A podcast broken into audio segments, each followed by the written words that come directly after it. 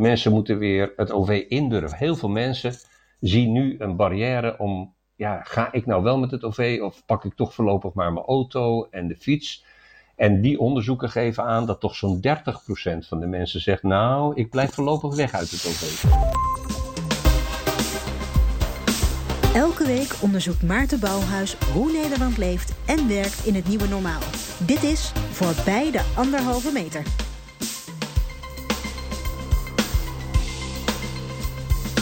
Hoe reizen we de komende maanden van en naar de stad? Kies je voor het openbaar vervoer met een mondkapje op of pak je liever de auto of de fiets? Zal ons reisgedrag en het OV-netwerk veranderen door corona? En hoe kan de OV-sector blijven investeren terwijl er minder reizigers zijn? In deze podcast Voorbij de anderhalve meter ga ik in gesprek met Pedro Peters. Hij is woordvoerder van OVNL, spreekt dus namens alle OV-bedrijven en natuurlijk we kennen hem als oud-directeur van de RET in Rotterdam.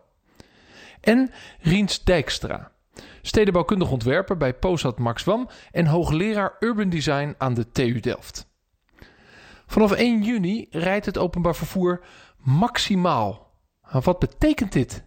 Pedro Peters. Als wij een normale dienstregeling zouden rijden, dan rijden bijvoorbeeld in Utrecht rijden de dubbelgeleden bussen af en aan naar de Uithof, naar de universiteit toe. Maar ja, die universiteit is dicht. Dus dat heeft geen zin, want dan rij je met lege bussen. Dus dat soort maatwerk, uh, dat zit in die uh, maximale dienstregeling. Maar maximaal wil zeggen zoveel mogelijk bussen, treinen, trams inzetten. Met zoveel mogelijk personeel. En dat dan de hele zomer uh, door laten rijden. Want op die manier, en dat is toch wel belangrijk om even te zeggen, dan is er dus, zijn er veel meer voertuigen beschikbaar dan nu. Tegelijkertijd vragen we aan de reizigers: reis zo min mogelijk. Gebruik het OV alleen als je het echt nodig hebt. Dat is eigenlijk hetzelfde als nu. Dan komen er wat leerlingen bij van scholen. Nou, dan moeten we dat, uh, als iedereen zich aan die afspraak houdt, dan moeten we dat makkelijk aan kunnen. En dat betekent dus dat je veel uh, vervoersbewegingen krijgt van treinen en bussen die half bezet zijn, zodat je zoveel mogelijk afstand kunt houden. Precies. En we kunnen nooit garanderen dat dat anderhalve meter is. Vandaar dat het kabinet ook heeft gezegd: voor het openbaar vervoer laten we die norm van anderhalve meter uh, los. Die versoepelen we. En dan doen we een mondkapje verplicht. En als je dan die koppeling maakt tussen mondkapje en veel meer voertuigen inzetten, dan kan je toch echt wel vaak anderhalve meter handhaven. En gemiddeld toch zeker wel een meter.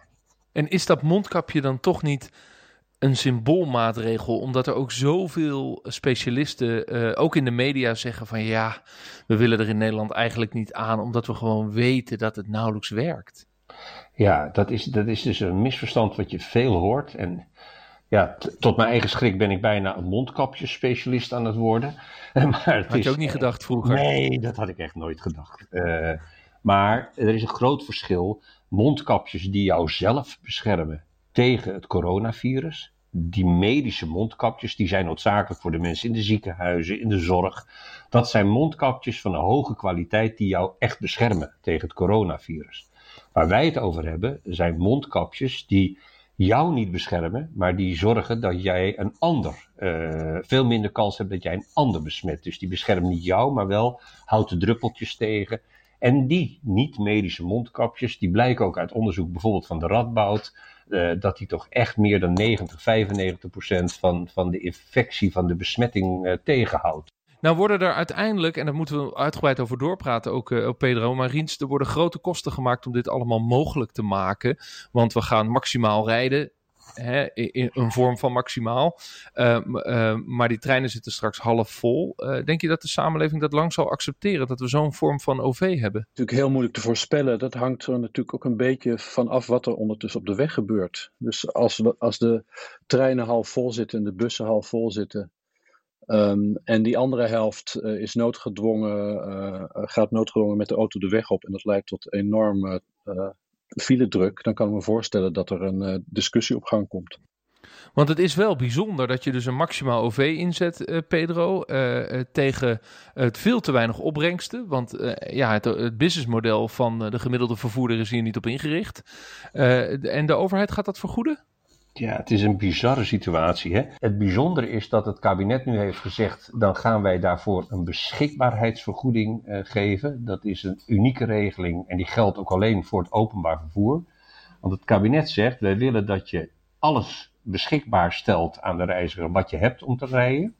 Maar tegelijkertijd vraagt hetzelfde kabinet, reizigers, blijf zoveel mogelijk thuis. Dus het kabinet heeft letterlijk gezegd, wij kopen eigenlijk bij jullie nu een beschikbaarheidsdienst in. En die beschikbaarheidsdienst, die gaan wij dus betalen. En dat betekent dat die werkelijke kosten die we maken, minus natuurlijk de, de inkomsten die we hebben, subsidies, de reizigers die betalen, de vergoeding voor de studentenkaart, die inkomsten gaan eraf. En dat verschil, dat wordt inderdaad bijgelegd uh, door de Rijksoverheid. Ja, ik stel elke podcast ook een vraag van mijn dochter. Worden ze ook op een plaats gezet zodat ze afstand kunnen houden? Een hele goede vraag van jouw dochter. Nee, dat gaat niet gebeuren. Ons uitgangspunt blijft, je bent zelf verantwoordelijk als Nederlander. Rutte zegt steeds 17 miljoen mensen moeten het met elkaar doen. Dus je moet zelf verantwoordelijk zijn om voldoende afstand te houden. We helpen wel. Er komen stickers in treinen, er komen hulpmiddeltjes in bussen. Maar dat zijn hulpmiddelen om de reizigers te helpen. Dat als je hier nou gaat zitten en uh, jouw andere reiziger gaat daar zitten, dan heb je voldoende afstand. Maar dat zijn hulpmiddelen en je bent zelf verantwoordelijk in de trein, in de bus, om die afstand uh, te houden. Riens, je zei het al even. Dit is misschien ook wel een uh, mogelijkheid dat we veel meer in de auto gaan zitten als we toch naar de stad willen. Of het is een grote kans ook voor de fiets. Zou die fiets in deze transitie ook meer ruimte moeten krijgen in de stad? omdat er toch mensen zijn die het OV misschien wat langere termijn gaan mijden. Dat zou best uh, aardig zijn, maar het is natuurlijk heel erg lastig om uh, op korte termijn uh, die fiets meer ruimte in de stad te geven. Je kan niet voor alle binnensteden de, de breedte van de fietspaden aanleggen of nieuwe strepen trekken en de oude weghalen. Nou, het is de vraag, hè? want in steden buiten Nederland, de grotere wereldsteden, worden er met gele strepen hele fietspaden aangelegd. Nou hebben die natuurlijk traditiegetrouw minder fietspaden dan, we, dan, zij, dan wij.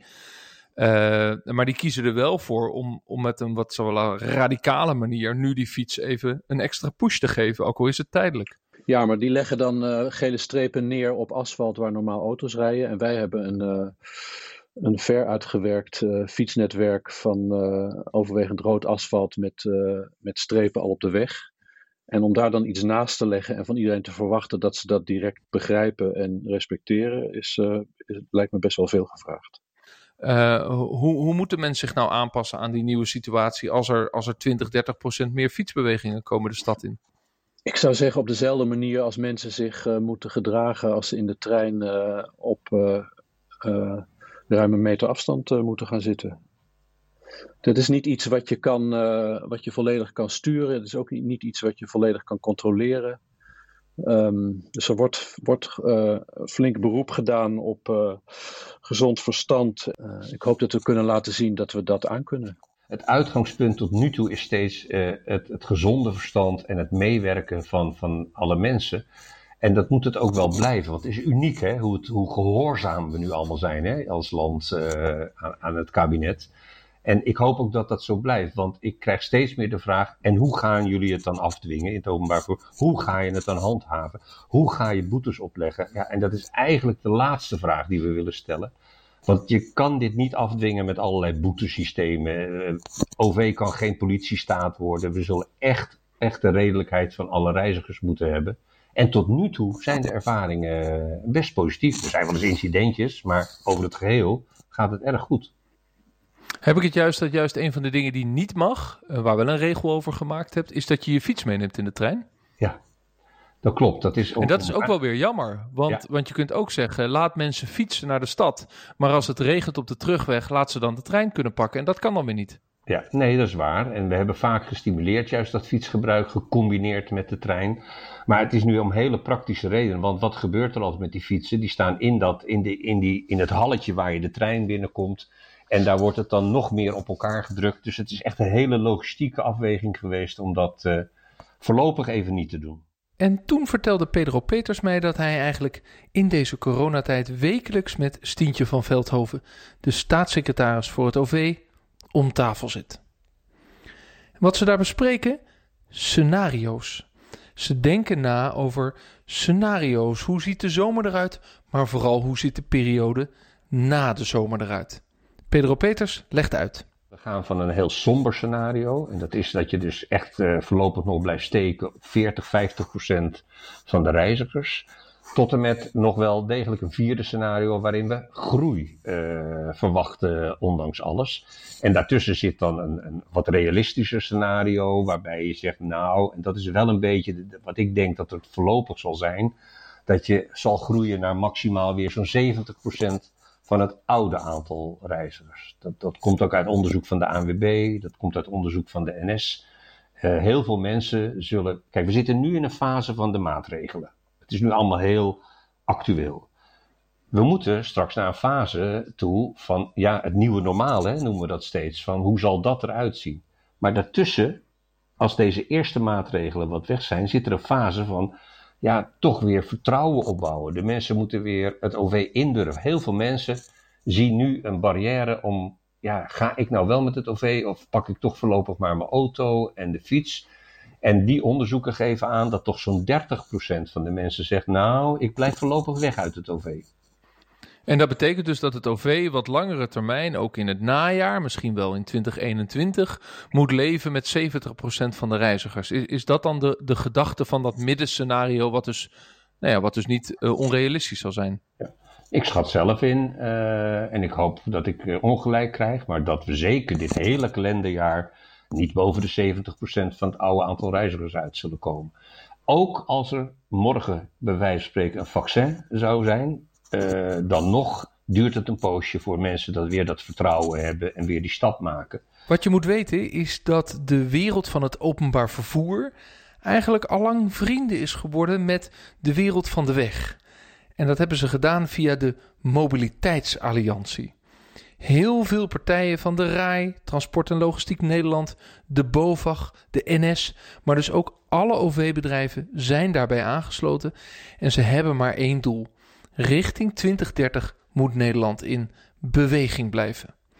Nou, ook die mobiliteitsalliantie die vraagt zich natuurlijk af hoe nu verder en wat gebeurt er met onze plannen in deze coronatijden. We gaan ervan uit als mobiliteitsalliantie, en dat is echt de hele mobiliteit, hè, van de ANWB en de auto en de fiets tot en met het OV, gaan we er, we vergaderen ook nu nog steeds met de voorzitters daarvan, gaan we ervan uit dat ons model, ons deltaplan blijft staan. Dat is echt de bereikbaarheid van de grote steden, de duurzaamheidsuitdagingen waar we voor staan, die klimaatakkoorden, alles gaat vragen dat we daar gewoon mee doorgaan. Uh, de, de trek naar de steden blijft, uh, blijft doorgaan. Dus op langere termijn blijft die ambitie voor ons uh, als alliantie hetzelfde. Uh, kijk, dit kabinet nu, met alle respect, is natuurlijk volop bezig met brandblussen.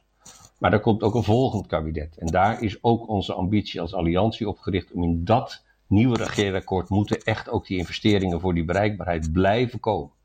Dus ik zie het op lange termijn, de ambitie echt hetzelfde. Maar natuurlijk zit er nu wel een dip in de fasering. Ik bedoel, dat is buiten iedere discussie. Daar, komt nu een, een, dip in de uitvoering, maar dat is een dip in de tijd. Ik ben ervan overtuigd ja. dat je over een jaar of 10, 15, als je dan terugkijkt, dan is dit een dip geweest. En het is een hele ernstige dip. Maar uh, de, de ambities blijven echt hetzelfde hoor. Ja, daar wil ik straks nog even over doorpraten. Maar Riens, die stedelijke ontwikkeling, ja, die investeringen daarin, die zijn ook gebaseerd op, uh, op groei. Uh, zal daar een vertragend uh, effect kunnen komen door corona en zeker ook door ja, dat we gewoon een langere periode, misschien wel een heel jaar, minder reizigers stromen van en naar de stad en dus ook in de beleving van de stad gaan zien? De andere vraag is natuurlijk wat gebeurt er met stedelijke groei en investeringen in de stad naar aanleiding van de de economische veranderingen die, uh, die uh, we kunnen verwachten. Ben je daar um, pessimistisch over? Nee. Um, Pedro zei het net iets anders, maar ik, ik denk dat de kans groot is dat zodra we bijvoorbeeld met een vaccin weer terug zijn bij het nieuwe normaal, dat dat nieuwe normaal wel eens heel erg zou kunnen lijken op het oude normaal. En dat we vrij snel weer zullen terugstuiteren naar het gedrag wat we vertoond hebben voordat de coronacrisis inzette. Ja, dan is dus de vraag hoe lang de schok, de cultuurschok in ons gedrag moet zijn om bepaald gedrag, nieuw gedrag vast te houden. Of dat we het liefst zo snel mogelijk terugrennen naar, naar hoe het was. Ja, ik denk dat dat gedrag heel snel uh, terugkomt, uh, teruggaat naar wat het was. Uh, dat verandert natuurlijk niet het feit dat er een, een forse economische opgave ligt. En die, die zou wel effect kunnen hebben op investeringen in het OV. en effect kunnen hebben op de plannen die we hebben met steden. De Mobiliteitsalliantie, die hebben bijvoorbeeld als speerpunt nu neergelegd: laten we gaan betalen naar gebruik. Zou dit een kantelpunt kunnen zijn laten we zeggen, voorbij de anderhalve meter om daar een slag in te maken. Ja, kijk, en, en Rien zei het net, uh, hoe snel zullen we weer teruggaan naar oud gedrag? Ik hoop dat een aantal dingen misschien wel beklijven. Ik, ik hoop dat uh, bijvoorbeeld meer thuiswerken, dat zal natuurlijk nooit zo zijn als nu, maar dat meer thuiswerken toch ook wel standaard zal worden. Meer onderwijs op afstand uh, standaard zal worden. en heel belangrijk, meer spreiding van de mobiliteit. We hebben nu heel veel problemen, zowel in het OV en op de weg, doordat alles in die spitsen geduwd zit. En spreiding was tot nu toe bijna niet af te dwingen, bijna niet te doen. En ik hoop dat nu, de onderwijsinstellingen gaan nu echt aan spreiding werken onder dwang. En dat dat dan zal blijken dat dat best werkt en dat het heel veel problemen voor die mobiliteit, uh, nou oplossen is een groot woord, maar wel kan uh, verbeteren. Nou, en dan kom je bij betalen naar gebruik. Dat was echt zo'n taboe. Uh, terwijl nu de hele autobranche, de ANWB, de RAI, BOVAG, OV, allemaal zeggen we met elkaar in die mobiliteitsalliantie, je moet naar betalen naar gebruik. Dus misschien dat dit nu, ja, dat is dan een voordeel van zo'n zo crisis, dat je nu dat wel echt bespreekbaar maakt. Want het helpt echt om dat te doen. Maar wat niet helpt, als je iets wil veranderen, dan helpt dat je geld voor beschikbaar hebt. En, en geld wordt misschien de komende jaren juist het probleem door een recessie. Um, en dan is het ook wel lastig om dat door te voeren. Zeker als je naar een OV kijkt, uh, waarin we misschien langer termijn minder inkomsten gaan zien. Zullen in die zin die concessies uh, die er zijn. Hè? Het OV werkt met concessiegebieden. Ik geloof 19 concessiegebieden in Nederland. Zullen, zullen die concessies die daar ook worden uh, uitgezet in de aanbesteding ook moeten veranderen? Omdat we inhoudelijk dit soort structurele veranderingen gaan zien met nou, minder reizigers in het OV en, en, en minder spitspieken? Uh, ja. Nou, dat is een van de belangrijke punten in, in die vier scenario's die uitgewerkt worden. De huidige concessies zijn volledig gebaseerd op zero-emissie investeringen en op reizigersgroei. Al die investeringen die nu gedaan worden in die, in die dure uh, elektrische bussen, die werden allemaal gedekt door de, de opbrengsten van de reizigersgroei. Nou, dat model stort nu in elkaar. Uh, dus we zullen moeten kijken naar de lopende concessies. Daar zitten afspraken in, verplichte afspraken, waar vervoerbedrijven aan moeten voldoen, die ze waarschijnlijk niet waar kunnen maken. Dus er zal gekeken moeten worden om bestaande concessies uh, open te breken. Dan krijg je nieuwe aanbestedingen. Er zijn de komende tijd aanbestedingen gepland. Ja, hoe ga je nu in godsnaam een aanbesteding doen als uh, je niet weet hoe het met de reizigersaantallen gaat? Uh, het is onzekerheid troef in de economische ontwikkelingen. Dus zou je die aanbestedingen uh, niet even of misschien wel langere tijd moeten uitstellen? En een derde vraag is, ja, en die nieuwe werkelijkheid, wat gaat dat betekenen? Misschien krijg je wel heel andere soort inschrijvingen. Moet je van, van 70% van het aantal reizigers uitgaan en niet meer van 100% plus nog eens een groei? Dan krijg je totaal andere contractvormen, waarbij je ook als overheid, want de overheid is iedere keer de opdrachtgever in het openbaar vervoer, dus voor de vraag komt te stellen van wat wil ik de reizigers bieden voor het geld dat ik beschikbaar heb? Of wil ik alles blijven bieden wat ik nu bied, maar dan zal ik er meer geld bij moeten leggen. Dus daar zullen absoluut uh, consequenties zijn voor, voor nieuwe contracten en voor lopende contracten. En misschien is het wel een kans om dan, want daar is tumult over, die elektrische bussen ook bij VDL te kopen en niet in China. Uh, om onze eigen economie nog een beetje aan te jagen. Ja, dat is een hele andere discussie over protectionisme en wat doe je wel en wat doe je niet. Uh, dus dat is ja, wel dat kan wel bij elkaar komen, want er is wel een beetje anti-China gevoel dat we als Europa weer een eigen sterke regionale economie moeten maken om, ja. om uh, wat onafhankelijker te worden. Ja, maar die discussie staat wel los van de corona-effecten, denk ik. Er is iets wat me nog steeds uh, achter, in mijn achterhoofd blijft hangen. Pedro, je hebt gezegd, die mondkapjes zijn echt een hele goede bescherming. En die maken dat het uh, grootste deel, of het overgrote deel, ik weet niet precies wat je zei, uh, van wat je uitademt tegenhoudt, wordt dat de kans dat andere mensen bezet, besmet worden echt heel klein is. Is dat niet een reden om al heel snel te gaan nadenken over de mogelijkheid om de volledige capaciteit van het OV weer in te gaan zetten? Ik hoop dat dat gaat gebeuren. We hebben tot nu toe als OV-sector gezegd, wij gaan niet op de stoel van het RIVM zitten. We zijn geen virologen, dus wij volgen hun adviezen. Daarom is het kabinet nu ook zo geïnteresseerd in wat gaat er gebeuren met, de, met die besmetting. Uh, blijft die onder die factor 1, hè? die, die uh, soort heilig cijfer waar we nu onder zitten, blijft dat zo? En dat zal de komende week uh, bezien worden. Ja, maar wat Rien zegt is eigenlijk, als je dan toch een mondkapje doet, uh, heb dan niet de boodschap blijf thuis en mijd de trein. Maar heb dan de boodschap stap juist in de trein. Het is veilig, het werkt. En dat is ook goed voor de businessmodellen van het OV. En dat betekent dat de overheid ook minder hoeft bij te lappen in de beschikbaarheidsregeling. En dat is eigenlijk wat Rien zegt. Is dat, is dat ook jullie wens dat we zo snel mogelijk daar naartoe kunnen? Tuurlijk, zo snel mogelijk. Maar stap 1 is nu kijken wat er gebeurt vanaf 1 juni. En dat is ook wat het kabinet heeft afgesproken. Nu eerst kijken. Nog niet te optimistisch zijn. Eerst kijken of die besmettingen onder dat getal 1 blijven. Daar is die, zelfs in dit gesprek. De R. En die R moet onder de 1 blijven. Of niet, maar dat hangt toch een beetje van je visie op het bestrijden van corona af. Voor de toekomst van de OV-sector is nog de vraag: wie is er nu aan zet als we veranderingen willen doorvoeren? Ligt dat heel erg bij het stedelijk domein? Misschien ook wel de concessieverlener in dat regionale model? Of is het nu aan de Rijksoverheid? Ja, we hebben natuurlijk de afgelopen decennia enorm gedecentraliseerd. Hè? Dus zoveel mogelijk naar de regio's toe, naar de steden toe. Uh, en ik denk zelf dat er op een aantal punten uh, wat meer landelijke regie uh, gewenst zou zijn. En dat die decentralisatie hier en daar wel wat is doorgeschoten. En als je het dan hebt over ruimtelijke ordeningsaspecten en, en de infrastructuur voor het openbaar vervoer daarbij. Uh, dan is daar wat landelijke regie zou, denk ik, maar dat weet Riens waarschijnlijk beter dan ik, uh, wat landelijke regie zou daar wel prettig zijn.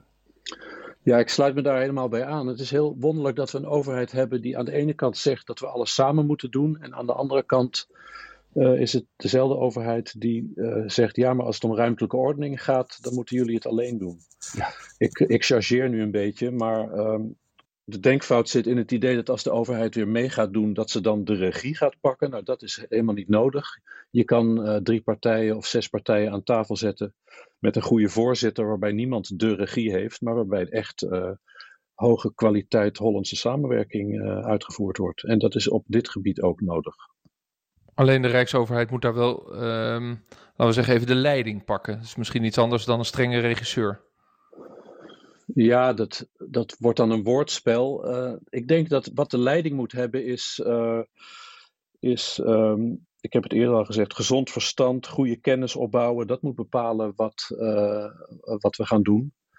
Um, je ziet dat zodra de overheid het alleen doet, dat er gaten vallen. Je ziet dat zodra de markt het alleen doet, dat er gaten vallen. Um, dit is een, misschien is dat de grote les uit de corona, dat we uh, uh, een, situatie krijgen waarin we opnieuw kunnen leren op alle fronten, ook op, front van, op het gebied van ruimtelijke ordening, echt volwaardig samen kunnen werken. Pedro, zie jij in die zin dat de manier waarop de improvisatie gaat in het uh, OV van de afgelopen maanden, dat dat tot uh, bijzondere nieuwe samenwerkingscontacten leidt en dat dat ook een kans is voor de toekomst? Ja, dat, dat, zou, dat zou best kunnen en dat hoop ik een beetje. De samenwerking binnen het OV-bedrijven en, en met, met de overheden samen. Hè. Eh, we hebben dat NOVB heet dat, Nationaal OV-beraad met de staatssecretaris iedere week. Maar ook met vertegenwoordigers van die decentrale overheden erbij. En die samenwerking is nog nooit zo intensief en zo, zo goed geweest als nu. Maar ja, dat wordt natuurlijk wel bepaald doordat we nu een gezamenlijk probleem hebben, uh, wat je tot elkaar veroordeelt. En ik hoop, en ja, ik hoop niet dat Riens wat dat betreft gelijk heeft. Ik hoop dat we daarna niet heel snel terugvallen vallen tot oud gedrag. Tja, vallen we wel of niet terug in oud gedrag? We zullen het zien. Hoe lang moet deze crisis duren om ons gedrag helemaal te veranderen? Nou, de Mobiliteitsalliantie, Pedro Peters, ja, die heeft wel een hoop dat we de spits er een beetje uit kunnen halen. Dat we thuis blijven werken voor een deel. En dat dus eigenlijk de trein minder druk wordt. Maar ik zie er ook wel een beetje een dubbele boodschap in. Want als ze die veranderingen willen doorvoeren, die ambitie waar willen maken van het openbaar vervoer richting 2030, dan heb je juist groei van reizigers nodig. Dus willen we nou wel groei van reizigers of willen we het niet? Eén ding is zeker, de komende zomer zit je met een mondkapje in de trein of de bus. En hoe dat vanaf september uit gaat zien, ja, volgens Pedro Peters zal het tot de kerst zo ongeveer 70% van het aantal reizigers zijn. Hij sprak namens de OV-bedrijven van OV-NL en is natuurlijk oud-directeur van de RT in Rotterdam. Gelukkig staat ook aan tafel Riens Dijkstra, stedenbouwkundig ontwerper bij Posat Max Wam en hoogleraar Urban Design aan de TU Delft. Sprak deze podcast je aan? Kijk dan ook eens naar de eerdere podcast die ik gemaakt heb in de serie Voorbij de anderhalve meter. Hoe start de ziekenhuiszorg weer op? En wat is bijvoorbeeld de toekomst van de retail? Bedankt voor het luisteren. Mijn naam is Maarten Bouwhuis. Tot volgende week.